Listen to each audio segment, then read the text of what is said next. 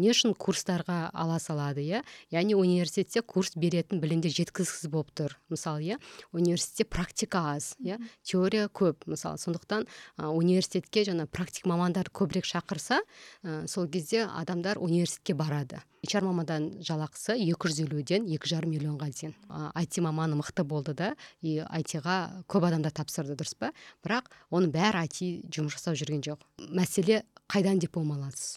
Қай жерден диплом аласыз? Соған қатты көңіл бөлу керек та жаңағыдай. Қай ең бастысы сіздің төрт жылыңыз төрт жылдан кейін алатын дипломыңыз сапалы болу керек иә? Жаңағыдай білім практикасы көбірек болатын сондай бір жер таңдаса.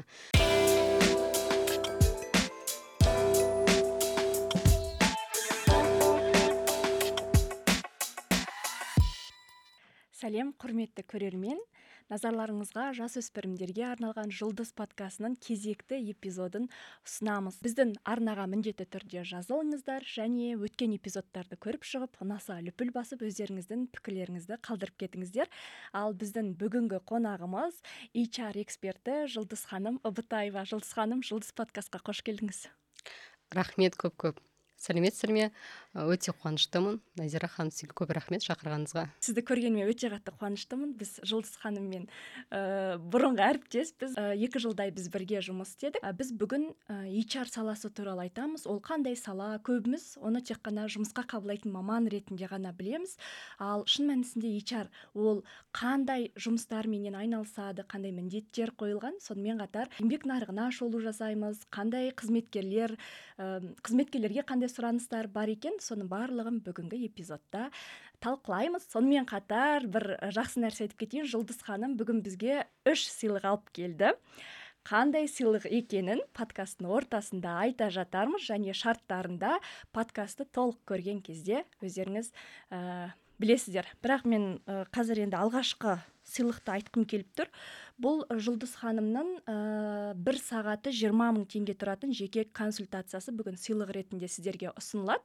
Шарттарын бағана айтқанымдай подкасттың орта жағында айтып өтеміз. Жұлдыз ханым ә, мен ә, осы эпизодта маңызды дейтін үш тақырыптарды қозғағым келіп отыр. Оның біріншісі осы жаңағы HR қандай сала? Мен ана үлкендер сұрайды ғой сосын мен айтамын да ол отдел кадр депші бірақ енді ол дұрыс емес сияқты. Бәрі сөйтіп айтады иә отдел кадр дейді ғой. Соған мен өзім де қараңыз ә, біріншіден HR ол бізге шетелден келгендіктен ә, ол біз үшін жас маман иә? Негізі шетелде ол өте жақсы дамыған қазақстанға кейін келгендіктен әсіресе орта бизнестер ә, қолданғандықтан олар ә, біз үшін жаңа болып келеді. Негізі ол бұрыннан бар ә, саланың бірі. HR ол шетел тілінен аударған кезде адами капитал деп аударылады яғни адам ресурстары. Бәрі HR десе ә, найымды ғана ойлайды да яғни адам жұмысқа қабылдау сосын тимбилдік өткізу. Ә, мысалы бұрын әйтеуір бизнестерде сөйтіп ойлайды маған HR керек не үшін деп сұраған кезде жаңағыдай адам тапсын иә менде текучка дейді сосын ыыы тимбилдік ұйымдастыру дейді. Бірақ HR деген ол яғни жаңа айттық адамдарды басқару ол біріншіден жаңағыдай адамды жұмысқа қабылдау сосын ыыы адамға жұмыс қабылдағаннан кейін жаңағы кадр жұмысы бар иә бәріміз білеміз ғой. Ыыы андай этаппен айтып жатырмын да адамға андай түсінікті болу үшін. Сосын адаптация. Көбінесе компаниялар онша мән бере бермейді. Әсіресе орта бизнес кіші бизнес.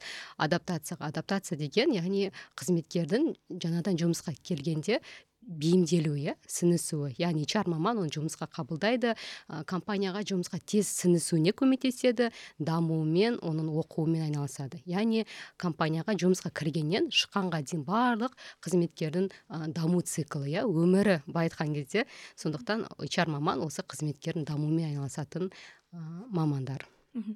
Ә, мысалы HR бөлімді алатын болсақ ол жерде бір емес бірнеше мамандар жұмыс істейді ғой иә? Соларға мысалы тоқталып кетсең жаңағы рекрутер деген бар. Мхм одан кейін жаңағы жеке мотивациямен айналысатын бөлек адам болады иә сол туралы иә. Hrдың негізі ә, бірнеше қызметі бар. Ә, негізі HR мамандар ол қызмет ә, қызметкердің дамуымен айналысады иә? Былай айтқанда қызметкер бақыт сыйлайтын мамандар. Ал жеке қарайтын болсақ мысалы үлкен компаниялар кішкентай компанияларда бір HR маман барлық қызметкерді бар қызметті жұмыс жасайды иә. Өзі жұмысқа адам іздейді өзі собеседование өткізеді иә. Адаптациясы да тимбилдингі оқу мотивациясын бәрімен өзі айналысады. Ал үлкен компанияларда әр жаңа қызметі бір бір маманнан жеке жеке айналысады иә. Тіпті әр қызметтің өзінің жеке бөлімдері болады. Мысалы ә, бірінші қызмет жаңа сіз айттыңыз ғой рекрутер дедіңіз иә? Рекрутер яғни ол тек қана ә, жұмысқа қабылдаумен айналысады маманды. Сондықтан оны ә, рекрутер деп айтады. Ол жаңағыдай ә, адамды ә, іздейді иә? Жаңағыдай вакансияны жариялайды бәріміз көреміз иә? Сосын вакансияны жариялаған кезде де әр маманның өзінің ә, алаңы болады. Яғни мысалы бәріміз білетін бір екі платформа бар да негізі өте көп. Сондықтан білу керек. Мысалы айти мамандар қай жерде көп қарайды иә? Маркетологтар қай жерде отырады екен? Яғни сол жерлерге біз нелерді вакансияларды саламыз. Яғни рекрутер жаңағыдай вакансияны салады собеседник қабылдайды иә? Өзінің тесттері бар адамды іріктейді иә? Компанияның миссиясына байланысты құндылығына байланысты. Ә, сосын ә, келесі этап ол адаптация болады. Яғни қазақша аударғанда бейімделу. Адамның ә, жаңа психотипіне байланысты жаңа ортаға бейімделу әртүрлі болады. Мысалы бір адам ашық болуы мүмкін оған ә, жаңа ортаға бейімделу тез болады иә. Өзі мысалы өзі сөйлесіп кетеді yeah. өзі араласып кетеді керек нәрсесін өзі сұрап алуы да мүмкін. Бірақ кейбір адамдар бар тұйық адамдар иә. Ол кісіден өзіңіз сұрамасаңыз ол кісі ештеңе айтпайды иә. Сондықтан біз әр адамға жеке подход жасауымыз керек. Әр адамға жұмысқа келген кезде сол жаңа ортасына сіңісуіне біз көмектесеміз. Біреуге мысалы бір ай кетеді бір екі ай кетеді иә. Бірақ ол компания үшін өте тиімсіз. Неге? Себебі жаңа қызметкер келді. Егер де ол неғұрлым компанияға тез бейімделетін болса соғұрлым ол жұмысты тез алып кетеді. Және сәйкесінше ол өзінің жұмысын да көрсете алады иә. Соған сәйкес ол компания табыс әкеледі. Ал егер де бұл процесс ақырын жүрсе компанияға табыс та асықпай келеді иә? Жаңағыдай и қызметкер де өзін көрсете алмайды сол үшін кейбір жаңағыдай ыыы испытательный срок дейді ғой ыыы сынақ мерзімінде мысалы көп компаниялар қызметкер жұмыстан шығарып жатады. Яғни ол өзін көрсете алмады өйткені. Осы кезде міне HR маман көмегі керек болады иә. Ол бір екі ай күтпей жаңағыдай екі апта ә, мерзімде мысалы қызметкер тез бейімделуіне көмектесіп ашуына командамен танысып иә. Ә, компанияның барлық миссиясын құндылығын барлығын біліп соған сәйкес жұмысын да тез алып кету керек. И компанияда оған барлық жағдай жасалуы керек. Біз мысалы алдын ала білеміз ғой кім келетінін қашан келетінін оған жаңа барлық қолданатын ә, жабдықтардың бәрін дайындап қою керекпіз иә ол былай айтқанда мүмкін элементарный деп ойлау мүмкін иә. Бірақ практикаға келген кезде жұмысқа келгенде ондай емес иә. Ә, мен өзім де көрдім да жаңағыдай мысалы қызметкер келеді сосын екі күннен кейін ноутбук келуі мүмкін компьютер иә. Сонда қараңыз екі күн біз ұтылып қалдық иә. Сондықтан заранее бәрін дайын алдын ала бәрін дайындап қою керек иә. Оның жаңа қолданатын заттары бар иә. Сосын жаңағыдай ыыы адаптация иә. Кіммен сөйлеседі қай бөлімдермен ә, қандай ақпараттарды ол білуі керек иә. Мүмкін жас маман болатын болса біз оған арнайы бір курстар беруіміз керек оған иә. Алдын ала мысалы оқитындай. Сосын ыыы жаңағыдай бейімделді. Енді ол қызметке жұмыс жасап жатыр. Иә елестететін болсақ.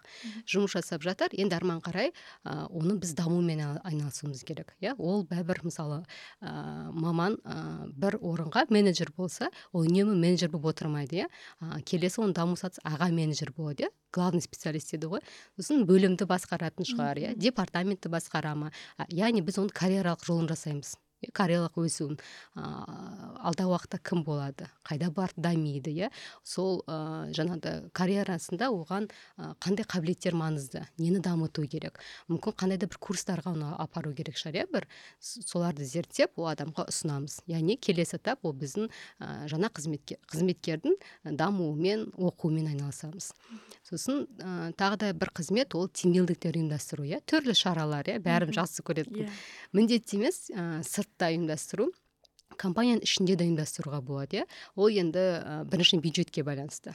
Ә, сондықтан ә, бірінші мен ойлаймын адам ниетіне байланысты. Яғни басшылықтың басшылық командасы дамысын десе иә бірлігі мықты болатын десе онда ә, жиірек ұйымдастыру керек. Және ә, келесі этап уже бюджетке байланысты иә. Сырттан да арнайы мамандар шақыру болады иә. Тренерлер бар мықты. Ең бастысы сізге қандай мақсатта шақырады соны білу керек. Не үшін керек бұл тимбилдингтің бәрібір бір мақсаты болу керек. Ұйымшылдықты арттыру ма бірлікті иә немесе коммуникацияны арттыру ма иә. Соған сәйкес біз тренерлер шақырамыз. Немесе компанияның өзінің ішінде сондай маман болады. Тимбилдинг шараларды ұйымдастыратын. Ол бізге өте қажет ә, дамуға. Арман қарай hr бренд деген бар. Яғни жұмыс берушінің нарықтағы беделі. Иә нарықта оны жұмыс беруші ретінде білуіміз керек. Біз оның енді маркетологтар продуктпен айналысады ғой иә? Жаңағыда ә, жасап жатқан өнімді сыртқа шығару. Ал біз сонымен қатар оның ә, нарықта қаншалық ә, жұмыс беруші ретінде беделін көрсетуіміз керек иә? Әлеуметтік желілер бар. Енді қазір ә, көрсететін өте көп қой жаңағыдай. Құралдар ә, вот HR маманның айналысатын тағы бір жұмысы сол. Яғни ә, шынайы қалай бар қандай өмір сүріп жатыр компанияда иә? Компания ішінде қандай өмір жүріп жатыр соны сыртқа көрсету керек. Өйткені ә, кейбір өте мықты компаниялар бар бірақ оны сырт нарық білмегендіктен ыыы жұмысқа адам табу қиын болып жатады егер де жаңағыдай беделі жақсы болатын болса жаңағыдай HR бренд жақсы болса компанияның онда ол компания текучкада болмайды. Текучка дегеніміз ол ә, жұмысқа кіріп шығатын адамдардың саны көп болуы иә? Біреу шығады біреу кіреді деп айтады ғой мысалы. Сондықтан ә, негізі компанияның егер де корпоративтік мәдениеті жақсы болса ә, ондай мәселелер болмайды туындамайды компанияда. Сіз ә, мен мынандай пункттерге бөліп бөліп дайындап келген бірнеше сұрақты бірден қамтып өттіңіз. Иә. Yeah. рахмет сізге. Ә, одан кейін мен таныстарымнан достарымнан сұрадым да бізге бүгін подкастыма мен ә, HR маманды шақырамын жұлдыз ханым келеді деп таныстарыма сұрақтарың бар ма қоятын деп едім. Мынандай бір сұрақ келді да. HR ә, компаниядағы қызметкер санына қарай ма дейді да? Жаңа сіз айттыңыз ғой кішкентай компания болса біреу ғана керек деп мәселен ана бес алты адамнан тұратын компания болса оған да HR маман керек пе? олардың саны жаңа мысалға рекрутер бөлек қай кезде пайда бола бастайды ана адам санына байланысты соны айтып беріңізші. Негізі бұрын мысалы біз сексен адамнан жоғары болған кезде HR маман алатынбыз. Яғни бір HR маманы кадр қызметін де үлгереді иә? жаңағыдай рекрутингті де үлгереді иә? Жұмысқа қабылдап. Бірақ қазір ә, мен қазір жеке өзім жұмыс жасаймын иә. Өз мектебім бар. И маған бизнес өкілдері жаңағыдай маман сұрайды. Мен бұрын енді үйреніп қалғанмын ғой сексен адам болған кезде қазір мысалы жиырма адамға да сұрайды. Елу адамға да сұрайды иә жаңағыдай. Яғни ол ә, ол компанияның мақсатына байланысты. Ә, мысалы таң қалдым мен сұрадым иә не үшін иә сізге мүмкін ды қаншалықты білетінді сұрағым келді да кейбір өйткені бар директорлар HR маман алады HR жұмысы және қосымша өзінің жұмыстарын беріп қояды иә өзінің көмекшісі сияқты жасап иә, алады иә. иә. Сондықтан ыыы ол міндетті түрде сұралатын нәрсе иә қандай мақсатта HR сұрап жатыр ал негізі ыыы ол компания мақсатына байланысты деп ойлаймын. Өйткені бірінші білуіміз керек HR немен айналысады? Маман саны жұмыстың көлеміне байланысты иә? Ә, мысалы негізі мен өзімнің практикадан айтайын тәжірибемнен. Ә, біз 2020 жылы 80 адам болған кезде ә, екі HR маман болды иә? Біреу өзім екінші мен көмекшім болды иә? HR маманы. Мен енді HR директор болып тағайындалдым. Сол кезде екі адам біз 80 адамға үлгердік. Ал қазір мысалы 250 адам жұмыс жасайды бес HR маманы бар. Ә, оның үстіне көлемге байланысты. Қазір мен естіп алып басқа компаниялар солай есептеп жүрмесін деп ойлап тұрмын да. Ол компания hrдың бір маман қызметіне байланысты. Объем дейді ғой көлеміне байланысты. Ә, сондықтан бір талқылап көру керек қандай жұмыс жасайды. А негізі сексен адамға ә, бір HR жетеді. Егер де ә, жаңағыдай жұмысқа қабылдайтын адам саны көп болмаса. Егер де әлі қалай айтсам текучка көп болатын болса онда екі HR маман болған дұрыс. Өйткені біреуі тек қана жаңағы найммен айналысады иә және компанияның ішкі мәдениетімен айналысады. Сондықтан ол жұмысқа да байланысты иә. Немен айналысады кадр қызметімен айналыса ма? Әлде кейбіреулер мысалы кадр қызметін юристке беріп жатады иә басқа маманға береді да. Сондықтан ә, көлемге байланысты. Көлемге мақсатқа байланысты. иә иә мақсатқа байланысты. Маған жаңағы сіздің айтқан бір тұжырымыңыз қатты ұнады да HR ол адамға бақыт әкелетін сала мамандық дедіңіз. Енді біздің подкаст ол жасөспірімдерге арналған ғой. Сосын ә, сол осы подкастқа дайындалғаннан бері мынандай сұрақ болып тұр да. Университетте ондай мамандық жоқ та ға дайындайды деген ондай диплом да берілмейді да. Егер бала сондай бір адамдармен ә, қалай айтсақ екен адамдармен жұмыс істеуді жақсы көретін сондай бір қабілеті болса оған осы ға жақын қандай салаларды таңдаса болады? Негізі қазір ә, жас маман деп айттық қой. Бізде міне үш жыл болды қазақстанда ә, негізі университет бар HR маман оқытатын. Ә, бірақ көп оны біле бермейді. Ә, екі университет бар мен білетін иә оқытатын. Және басқа да қазір курстар өте көп негізі. Ә, бірақ көбісі енді орыс тілінде. Ә, мен енді білмеймін пиар бола ма? Иә мен өзім оқытамын иә HR менеджмент деген мектебім бар. Мен қазақ тілде оқытамын. Сол өзім барлық курстар енді орыс тілінде болды ғой. Ә, кейбір мамандардан еститінмін ә, түсінбеді қиындау болды иә жаңағыдай. Сондықтан мен өзім жаңа тәжірибемді қосып отырып қазақ тілінде курс дайындадым. Өзім дайындаймын қазір HR мамандарын.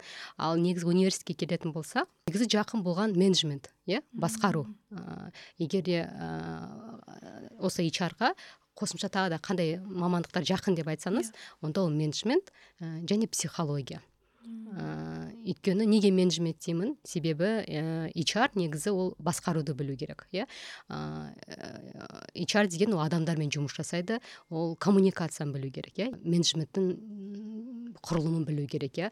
Қалай басқару керек ол басқарудың өзінің нелері бар әртүрлі стильдері бар иә. Мысалы көп бізде басшылықтар ә, тек ана бұйрық басқаруды ғана біледі да. Ә, бәрі демеймін енді бар да ондай. Ондай басшылықтар көбінесе енді тиран болып кетеді былай айтқан кезде. Яғни олар үйреніп қалған жаңағыдай бұйрықпен тапсырма береді ә, сол тапсырманы орындайсың да сонымен қабылдап алады иә. Орындамасаң жаңағыдай енді жазалайды. деген сияқты да мысалы. Ал қазір ол өтіп кеткен негізі ескі стильдің түрі ә, бірақ ол ә, салаға да байланысты. Яғни hr маңызды сол ә, үш қабілет. Бірінші мен ойлаймын ол адамдарды жақсы көру керек. Адамды жақсы көру керек. Өйткені сіздің hrдың барлығы жасайтын жұмысы қызмет адамдарға байланысты және адамдар үшін. Иә сіз ә, ол сол не үшін hr алады? Ол компанияда қызметкерлер ә, бақытты өмір сүру керек иә? Жұмысқа барғысы келу керек иә жаңағыдай сондықтан hr маманы бірінші адамдарды жақсы көру керек. Ол шынымен адамға керек нәрсені жасау керек. Иә жобаны ана бастыққа көріну үшін емес иә бұл жақсы екен деп емес иә жаңағыдай шынымен ол адамға пайдалы ма? Біріншіден адамды жақсы көру керек екінші ол басқару иә басқаруды білу керек менеджментті. Үшінші коммуникация деп айтатын едім иә әр адаммен тіл табыса білу керек иә өйткені түрлі конфликттер болады. Жұмыста yeah иә сондықтан осы конфликттерді шеше білу керек. Егер осы үш қабілетті сіз ә, қабілетсіз де болса иә айтпаймын жүз пайыз иә керемет болсын деп. Бірақ осы үш қабілет сізге жақын болса жүрегіңізге иә онда осыны дамытып осыны оқысаңыз болады жаңағыдай. Осы бірінші блоктың соңғы сұрағы HR мамандарының жалпы жалақысы оларға деген сұраныс сол туралы айтып берсеңіз. Ыыы негізі соңғы зерттеу бойынша антл компаниясы зерттеді. Қазір ә, HR мамандарының жалақысы екі жүз елуден екі жарым миллионға дейін. Ол енді ә, жаңағыдай оның жұмыс көлеміне байланысты иә hrдың біліктілігіне байланысты. Сосын негізі әр компанияда шынымен компанияның ә, деңгейіне де байланысты болады екен да. Неғұрлым компанияның деңгейі жақсы болатын болса ол hr маманның құндылығын түсінеді иә. Hr маманның жұмысын бағалайды. Соған сәйкес оның жалақысы жақсы болады. Hr маманға деген құрметті жақсы болады. Сондықтан мен айтар едім hr мамандар бірінші жұмысқа орналасқан кезде сол басшылықты және компанияны жақсы қарау керек та. Ә, компания өзі басшылық түсініп тұр ма hr маманның кім екенін иә. Ал негізі HR маманның болашағы өте зор. Қазірдің өзінде бізде сұраныс өте көп. Мысалы ә, мен үлгермей жатырмын айтамын ғой жаңағыдай басшылықта сұрайды ғой бизнес өкілдері. HR мен айтамын мен үлгермей жатырмын оқытып деймін да жаңағыдай мамандарды. Сондықтан сұраныс өте жақсы. Сұраныс көп. Біріншіден жаңа қызметкер іздеу үшін. Иә жаңа қызметке табу үшін. Ә, собеседование өткізіп жатыр адамдар бірақ ә, мәселе сапа нашар болып тұр иә мысалы. Біреулер ойлайды жаңағыдай вакансия жариялаймын адамдар келеді собеседование өткізеді бұл қабылдайды иә. Оны өткізе де білу керек иә жаңағыдай. Сондықтан біріншіден адам қабылдау екіншіден компаниядағы мықты қызметкер ұстап қалу. Барлық қызметкер демеймін мықтыларды ұстап қалу иә. Компания шын, шынымен жанашыр жандарды біз білуіміз керек иә кімдер. Және ә, мықты мамандарымызды біз басқа компания алып кетпеу керек. Ал қалай алып кетпеу керек ол уже HR маманның жұмысы иә. Ол көбінесе шығармашылық жұмыс ізденіс иә зерттеу әр қызметкердің мотивациясын білу керек иә? Олар нені қалайды? Соған сәйкес компания ә, жаңа жағдайлар жасайды. Ал жаңа айтып жатырмыз ғой қазір адамдар өздеріне сенімді да? Жаңағыдай ә, көбінесе z поколение дейді бірақ зтен де қазір ә, y поколение да өзінің құнын біледі адамдар. Қазір адамдар өзінің бағасын біледі. Мен өте қуаныштымын. Енді плюс минусы бар иә? Жұмыс берушісі минус деп иә иә. Плюс минусы бар бірақ сонда да мен адамдар үшін өте қазір қуаныштымын. Адамдар өйткені өздерін біледі өздерін бағалайды. Ыыы сондықтан өзін құрметтейтін бағалайтын жерде жұмыс жасайды. Жақсы рахмет. Ә, бұл енді көбінесе жаңағы компаниялар үшін одан кейін енді енді өсіп келе жатқан HR мамандар үшін өте пайдалы болды деп ойлаймын. Екінші блокқа өтпес бұрын мен екінші сыйлық туралы айтып өткім келеді. Бұл дәл осы ә, біздің бірінші блокта айтқан HR мамандарына HR саласына қат, ә, қатысты болмақ. Ол жұлдыз ханым HR мамандарына арналған телеграм каналына бір айға иә сіз тегін доступ береді. Сондықтан да шарттарды үзбей қарап отырыңыздар қазір соңында айтатын боламыз. Ә, енді мен екінші блокты осы жасөспірімдердің дамуына мамандық таңдауына байланысты соған арнағым келіп отыр. Ә, жасөспірімдер ана болады ғой кейбіреулері қайда барарын білмейді мхм шынымен ана інілеріміз сіңілдеріміз я болмаса басқа жаңағы көршілеріміздің баласынан сұраймыз ғой. Кім боласың таңдадың ба? Сол білмей жүрмін деп айтады да. Оларға сол HR маманы ретінде өздерінің қабілеттерін ә, қайда қабілеті бар екенін қайда икемі бар екенін білу үшін не істеу керек әлде қалай біле алады? Мхм енді ол актуалды тақырыптың бірі иә ол мектепте де қозғалып жатыр ол барлық жерде қозғалып жатқан тақырып. Негізі мен қазір байқағаным ә, біз мән бермейміз ғой бірақ бала өзін қабілеті жаңа қайда жақын ол бала кезде сол ойынмен айналысады екен сол ойынды ойнайды екен мысалы. Ол біз былай білінбейді ғой мысалы. Ә, бірақ жаңағыдай өзім таныстарым бар иә әріптестерім зерттей келсе зерттей келе негізі мен ойлаймын ойымша ата анадан сұрап көрсін. Иә? Бала кезде немен ойнады? Неге қызығушылық туындады бала кезде? Бәрібір ол іште жатқаны иә адам жүрегінде жатқаны оған жылысы жақыны мысалы. Мысалы мен енді өзім мысалын айта кететін болсам мен мектеп кезде ойлап содан кейін ойладым ә, бір талқылау болды соны ойлап қарасам мен мектеп кезде мұғалім болған екенмін. Яғни мен сіңілім екеуміз ойнайтынбыз иә. Ойын өте көп болды иә. Бірақ мектепті біз көп ойнадық иә. Жаңағыдай ыыы былтырғы класстың күнделігі бар ғой. Соны алып жаңағыдай күнделіктеп мен алты күнге жоспар жасайтынмын ғой. Сабақ жаңағыдай жасаймын алты күнге. Сіңілім мен оқушы мен мұғалімім. Ә, сондағы мен айтамын дайындыққа көп уақыт кететін жаңағыдай. Кабинетті дайындаймыз кәдімгідей иә жаңағыдай тақта болды бізде бор болатын. Сосын жаңағыдай ескі күнделікке кәдімгідей күнделік ә, жоспар жасаймын да бір аптаға. Бірақ соны бір ә, бір күнін ғана өтеміз ғой. Үш ақ сабақ өтеміз да жаңағыдай. Сондағысы мысалы маған мен сол маған бала кезде ұнаған екен. Сабақ берген оқытқан иә білім иә үйреткен жаңағыдай. И енді мен бірнеше салада жұмыс жасадым иә тәжірибе жинап. Қазір айналысып жүрген нәрсем сол деймін да. Мысалы қазір мен шәкірт тәрбие жатырмын HR мамандарын оқытып жатырмын иә.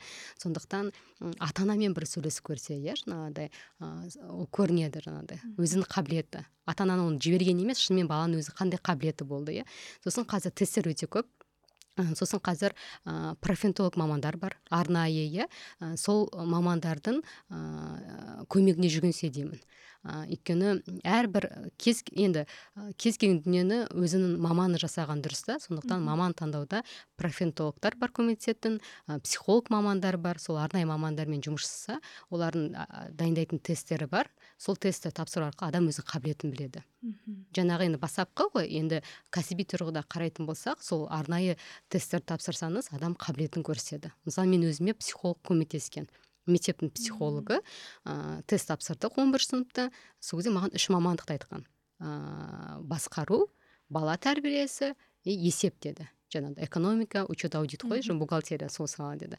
И мен өзіме жаңа басқаруды таңдадым иә мамандық. Сондықтан ә, енді тәжірибемен бөлістім яғни ол пайдасы бар деп айтқаным ғой соны көрсеткім келіп тұр.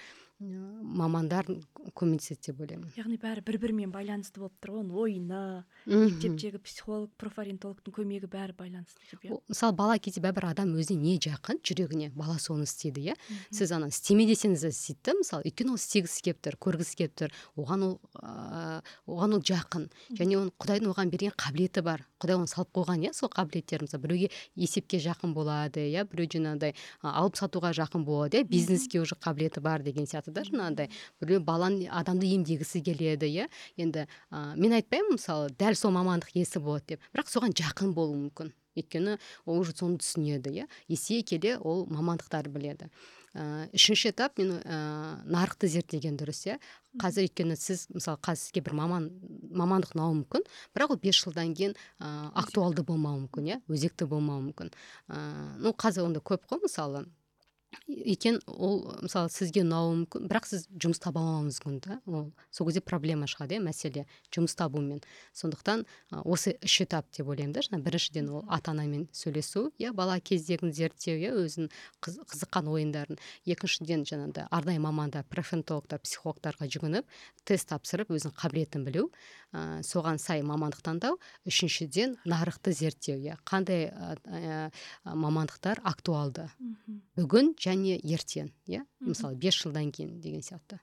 Жаңа тест демекші сіз жақсы көрсетіп кеттіңіз. Біз қазір галап MBTI дегендер бір сәнде трендте болып жатыр ғой. Ол да жасөспірімдер үшін пайдалы ғой иә? Тапсыра берсе бола ма? Жас ерекшелікке қарамайды ғой галап негізі ол көрсетпейді. Нақты қандай мамандыққа сіз баратыныңызды иә? Бірақ сіздегі қабілетті көрсетеді. Мен мысалы адам қазір галап тапсырады сосын галаптың зерттеп жатқан мамандар бар ғой соларға талдау жасады мен сол талдау жасаған адаммен сөйлескен кезде өзім бауырыма сұрадым да сонда ол айтты негізі 18 жастан бастап тапсырса болады деді. Өйткені 18 жаста адам ыыы қабілеттері қалыптасқан иә жаңағыдай толыққанды кім болатынын біледі. Маман ретінде уже дайын ол. 18 жаста 16-18 адам дайын. Сондықтан мен ойлаймын он алты он сегіз жаста болса гала тапсыруға болады. Ол сіздің қабілетіңізді көрсетеді неге жақын екеніңізді. Мамандық таңдауда ата ананың рөлі қандай болу керек? Бізде андай слишком қатты кіріп кететін сияқты білекті сыбанып так мен таңдаймын саған. Мен қай кез екі ай бұрын ба бір мектепке бардым оқушылармен кездесу болды. Ол жерде де сондай жағдайда жаңағындай бір жағынан ата ана бір жағынан не оқытушылар и балалар өздері ойланбайды екен. Иә өздері жаңағыдай біз енді фрирайтинг жасадық өздері кішкене ойланып өздерін іште кім болған қалайтындай. Ата ана ә, мен ойлаймын енді ақылдасу керек. Айтады ғой он алты жастан кейін баламен дос бол дейді да. Сондықтан біріншіден баладан сұрау керек деп ойлаймын. Өзінің қабілеті бар шығар иә. Өзінің бір қалауы бар шығар баланың. Егер қалау болмаса оған жаңағыдай ақыл кеңес беріп арнайы мамандармен сөйлесіп ақылдасқан дұрыс деп ойлаймын. Өйткені ол бәрібір болашақ иә. Мүмкін енді қазір айтады ғой мамандық таңдау қателеспен ештеңе етпейді дейді жұмыс табылады дейді. Бірақ жұмыс табылады уақыттан ұтыламыз біз. Иә сондықтан мен ойлаймын ата ана дос болса иә ақылдасса арнайы мамандар біледі ғой ата ана өзі соны зерттеп иә мамандарды. Соларға апарса баласын мықты қабілеттерін біліп соған сай егер баланы берсек онда біз уақыттан ұтады ата ана және баланың ә, энергиясы ә, үнемделеді. Өйткені ол өзі өзіне жақын мамандық таңдап тұр ғой.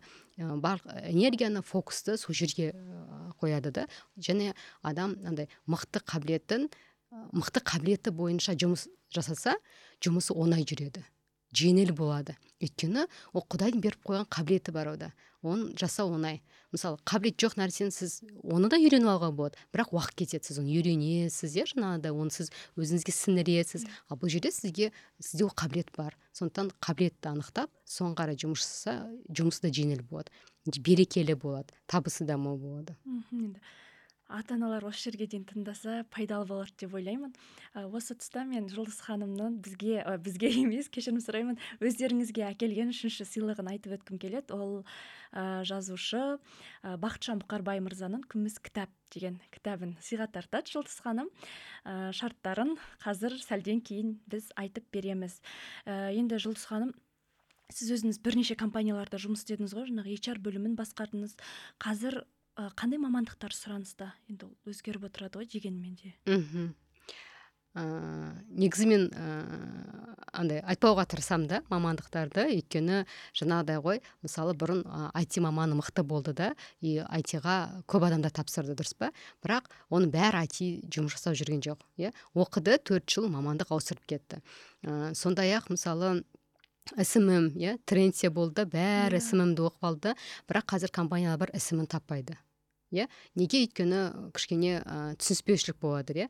Смм мамандар жаңағыдай олар ренжімесін. Ыыы жұмыс беруші не күтеді иә? Смм маманнан мысалы ол күтеді оның салған рилсы постсы оған клиент әкелу керек иә? Жаңағыдай несі охваты жоғары болу керек иә? сондықтан ыыы андай қазір бір мамандықтарға айтатын болсаң онда адамдар соған қарап кетпесін дегенмін ғой қатты сол мамандыққа сол мамандық трендте екен керек екен деп иә. Мысалы ертең наоборот ол сізге ұнамауы мүмкін. Мысалы қазір айтамыз жалақысы жоғары дейміз иә. Сұраныс өте көп дейміз. Бірақ ертең сіз оқып бітіргенше жағдай өзгеріп кетуі мүмкін. Қазір өйткені нарық экономика иә тез дамып жатыр тез өсіп жатыр өзгерістер тез болады. Сондықтан бір мамандықтарға қарап шектелуге де болмайды. Біріншіден екіншіден ол мамандық сізге ұнамауы мүмкін. Иә? Мысалы сізге ә, допустим қазір ә, айти десек те сіз айтиді оқисыз бірақ ол сізге ұнамауы мүмкін иә? Сіз бәрібір ертең жұмыс жасамайсыз. Төрт бес жылдан кейін сіз бәрібір тастап кетесіз басқа жаққа кетіп қаласыз. Одан да уақыт энергия экономдаған дұрыс деймін. Ал бірақ егер енді сұрап жатсыз ғой ә, қандай мамандық деп сұрасаңыз қазір негізі маркетологтар тапшы. Ә, мықты мамандар өте қазір аз білікті және смм де мамандар иә. Бәрі оқып алды курс бар бірақ ә, жұмыс беру үшін сұрап жатқан мамандар ол емес иә жаңағыдай. Сондықтан ә, қазір негізі айтатын болсақ басшылар өте аз. Иә менеджмент дейді топ менеджмент. Yeah. Иә. өте қиын қазір ә, неде? Рекрутингке кіретін болсақ ыыы жаңа басшылық не рөлде жаңа бағана айтып өттім ғой. Ұм, адамдар басқаруды тек қана бір екі стилін ғана біледі да соны қолданады. Ал қазір ә, жеке подход керек иә. Сондықтан мен ойлаймын сіздің тыңдармандар жасөспірімдер ғой иә иә. Жасөспірімдер болатын болса қазірден бастап және жеке қабілеттерін дамытуға көңіл бөлсе деп айтқым келеді. Ә, ол дегеніміз не? Ол коммуникация ол адамдармен қарым қатынас иә? Ол тайм менеджмент өзіңіздің дисциплинаңыз иә? Мысалы сегізде тұрамын дедіңіз сегізде барыңыз иә? Тоғызда үйірмеге жазылдыңыз тоғыздан кешікпей барыңыз иә? Ә, сосын ол ораторлық өнер иә? Ә, мектепте мысалы түрлі шаралар болады иә? Ұялмай қатысыңыз. Ол керісінше оны ой мен ойлаймын кез келген дүние ойын деп қарау керек та. Ойын деп қарасаң жеңіл болады. Мысалы сахнаға сөз сөйлеуге де қорқады иә мысалы мектепте де. Оны ойын деп қараңыз иә ол сізге керемет мүмкіндік өзіңізді көрсетуге деген мүмкіндік ашылуға деген мүмкіндік иә. Мысалы мектепте сарста болғандардың басым көбілігі көпшілігі универде де сарста болды. Университетте сарста болғандардың басым көпшілігі қазір басқару ә, деңгейінде отыр иә. Ә, компанияны басқармаса да кем дегенде бөлімді басқарып отыр. Яғни ол оның мектептен дағыланған дағдысы. Сондықтан қазір сол софт скиллсқа көбірек көңіл бөлсе деп ойлаймын да жаңағыдай ол өте қазір көмектеседі. Мысалы қазір сегіз оқисыз ертең кім боламын деп қатты уайымдағанша оны ойлаған да жақсы. Бірақ қазірдің күнінде ә, жаңа қабілеттеріңізді дамытсаңыз сіз ұтасыз өйткені қазір бізге басқаруға міне сондай мамандар жетіспейді. Жаңағыдай коммуникацияны жақсы білетін дипломатияны иә жақсы жүргізетін ә, адамдарды басқаратын иә басқару қабілеті. Өйткені ә, егер сіз бұрынғы стильді ойласаңыз онда ұзаққа. басқара алмайсыз иә. Жаңа өзіңіз айтып өттіңіз смм мобилограф деген екі үш ай максимум бес ай оқып алады диплом керек емес мен бәленбай ақша таптым деп. Маман ретінде осыған пікіріңіз қандай? Қазір диплом маңызды емес деп айтатын ойға. Егер де көрдіңіз ба адам өзінің қалауымен түссе диплом енді өзінің қалауымен түссе бәрібір ол сол салада ә, диплом оның ә, оқуын көрсетеді иә. Сондықтан ең бастысы адам қалай айтсам екен? Ол өте мен ойлаймын өте тоже қиын не? Өйткені бізде қазір университеттерде өте көп қой. Сондықтан ә, мен ойлаймын бір жағынан бұл университеттерге де ә, құлақ қағыс болса иә? Яғни не үшін курстарға ала салады иә? Яғни университетте курс беретін білімдер жеткізгісіз болып тұр мысалы иә? Университетте практика аз иә? Теория көп мысалы. Сондықтан ә, университетке жаңа практик мамандар көбірек шақырса ә, сол кезде адамдар университетке барады. Қазір мен ойлаймын ә, диплом керек ол қажет иә. Біріншіден диплом сізге тек қана білім бермейді сізге орта береді. Мысалы сіздің оқыған университеттің өзі сіздің ортаңызды қалыптастырады иә. Мысалы сондықтан мен енді өзім университет аяқтағандықтан ә, білікті мамандардан сабақ алдым иә ұстаздардан. Ол кісілерді ренжіткім келмейді сондықтан қазір ыыы қалай айтсам екен щепетильный момент дейді ғой сондай сондай сұрақ қойдыңыз да сіз маған бірақ ә, менің ойымша диплом керек иә мәселе қайдан диплом аласыз? Қай жерден диплом аласыз? Соған қатты көңіл бөлу керек та жаңағыдай қай ең бастысы сіздің төрт жылыңыз төрт жылдан кейін алатын дипломыңыз сапалы болу керек иә? Жаңағыдай білім практикасы көбірек болатын сондай бір жер таңдаса. Ал курс оқып алатындар ә, қазір ә, бізде күшті курстар өте көп мықты курстар өте көп. Мен өзім де мен көріп жатырмын да. Сондықтан ең бастысы сіздің оқитын нәрсеңіз сізге ұнау керек. Жаңағыдай үш ай оқысаңыз да ол сізге ә, берекелі еңбек болу керек та жаңағыдай сондықтан ә, бізде собеседник кезде мынандай жағдай болды мысалы. Ә, курс оқып қалды және ісімімді айтайық иә мысалы. Хит болып кеткен. Ісімімді оқып қалады курс. Сосын үш жүз мың теңге жалақы алады мысалы. Сұрайды дегенім ғой мысалы. Ол маман әлі ә, жұмыс берушілер негізі оларда ақша бар береді сізге жұмысыңызды. Бірақ сол сіздің ақшаңызбен жасайтын жұмысын тең болса. Яғни әділетті болу керек қой. Бізде көп мамандар жаңа қысқа курстар оқып алады да көбірек ақша сұрайды. Сол кезде біздің басшылық соған ренжиді мысалы. Әлі тәжірибе жоқ қой дейді да сондықтан иә егер де сізде дұрыс айтасыз кейс болмаса жаңа жүз елуге келісіп тәжірибе жинаңыз бірінші. Сіз өзіңізді көрсетесіз сосын арманға сатсаңыз болады. Сондықтан курс оқып алып жаңағыдай бірден мынандай үлкен жалақы сұрамай бірінші тәжірибені көрсеткен дұрыс деп ойлаймын да. Сіз қазір енді адамдарды еще сіз жеке оқытасыз ғой иә топпен емес жеке оқып. Жеке иә қазір жеке. Алдағы уақытта енді топқа кетіп қалмаса бірақ жеке ә, неге өйткені курстарда мысалы мен өзім оқыдым ғой үлкен курстарда адам көп болады да. Сосын енді адам әртүрлі бәрі бірдей сұрақ қойып үлгермейді біріншіден. Немесе ашыла алмайды ыңғайсызданады ұялады. Сосын топ болғандықтан ә, деңгей әртүрлі болады иә. Мысалы үш жыл HR болып жүрген маман да келуі мүмкін енді бастап жатқан HR да келуі мүмкін иә. Немесе топтың да адамы келуі мүмкін. Деңгей әртүрлі болып кетеді. Қандай курс оқысаңыз айтатыным бірінші жаңа деңгей біліңіз сізге ол қажетті ма иә? Сіз қай деңгейде тұрсыз?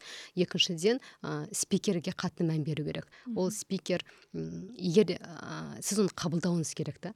Ол керемет мағлұмат айтты бірақ сіз оны қабылдамасаңыз сіз оның ертең ә, берген білімін қолданбайсыз. Сондықтан спикер сізге эмпатия болу керек. Яғни эмпатия деген ә, тартымдылық иә? Ол сіз оның дауысы сізге ұнау керек. Оның ә, жаңағыдай сабақ беру әдісі ұнау керек иә сізге. Сондықтан сіз сондай курсты оқисыз және ол ә, несін береді жемісін береді өзінің. Сізде эмпатия жақсы ғой өйткені.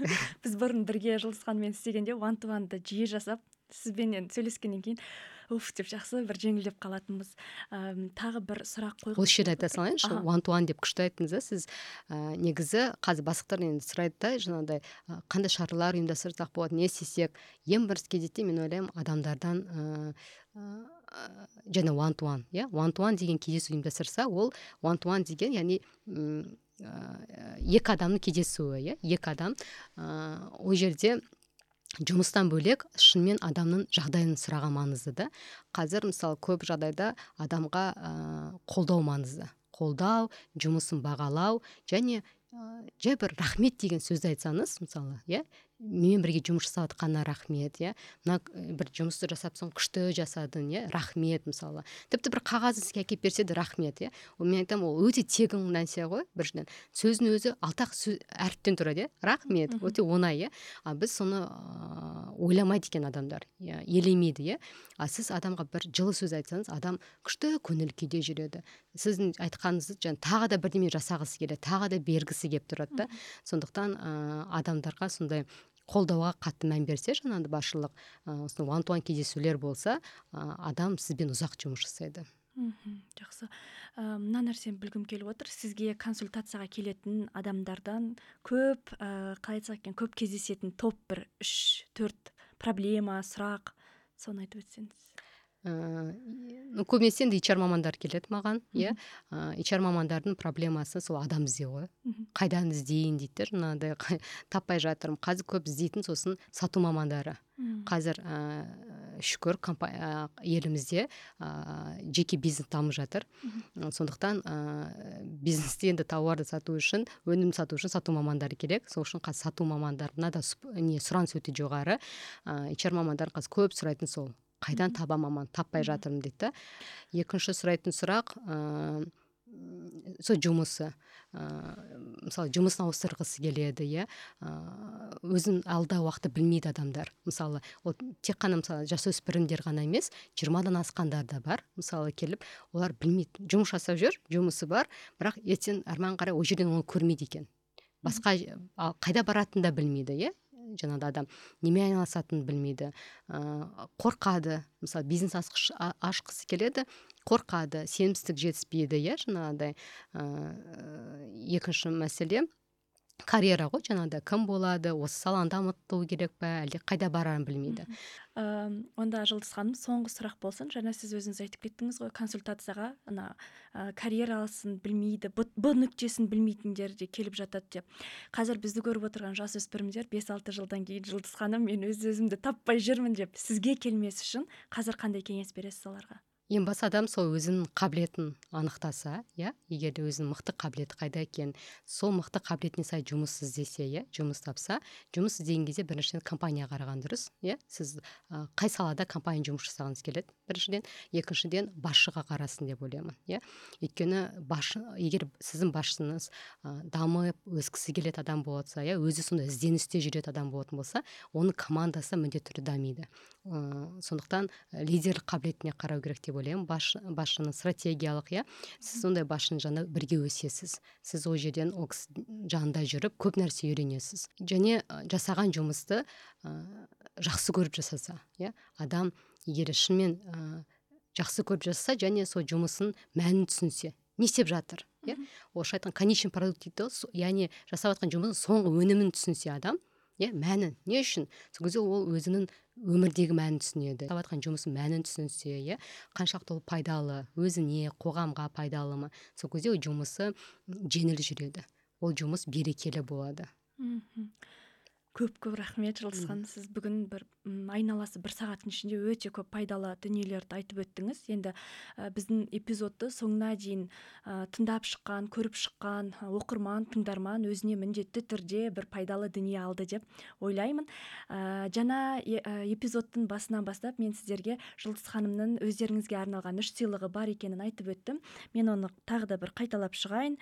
Ә, біріншісі жұлдыз ханымның ә, бір сағаты жиырма мың теңге тұратын жеке консультациясын ұтып алу және екінші сыйлық бұл HR мамандарына арналған телеграм каналға бір айға тегін доступ негізінде ол ақылы қызмет және үшіншісі бақытжан бұқарбайдың күміс кітап дейтін ә, сыйлығын ә, ұтып ала аласыздар. Мен қазір шарттарын айтып өтейін. Ең алдыменен біздің осы эпизодтың өзіңізге ұнаған жерін ә, сторисіңізге бөлісесіз.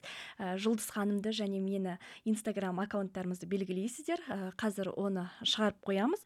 Және үшіншісі осы дәл ютубтың ә, комментарий бөліміне бала кезде қандай маман иесі болғыңыз келді және не үшін иә соның себебін жазып кетіңіз. Ә, әдемі қысқаша қызықты оқиғамен жазып кетсеңіз жұлдыз ханым өзі таңдап үш адамға жеке жеке сыйлығын табыстайтын болады. Ә, жұлдыз ханым алтындай уақытыңызды бөлгеніңіз үшін көп көп рахмет. Жасап жатқан жұмысыңыз берекелі болуына тілектеспін. Құрметті тыңдарман біздің эпизод осымен аяқталды. Бізді барлық подкаст платформаларынан тыңдай аласыздар. Сонымен қатар міндетті түрде біздің ютуб арнамызға жазылып қойыңыздар. Келесі кездескенше аман есен тілдескенше сау болыңыздар.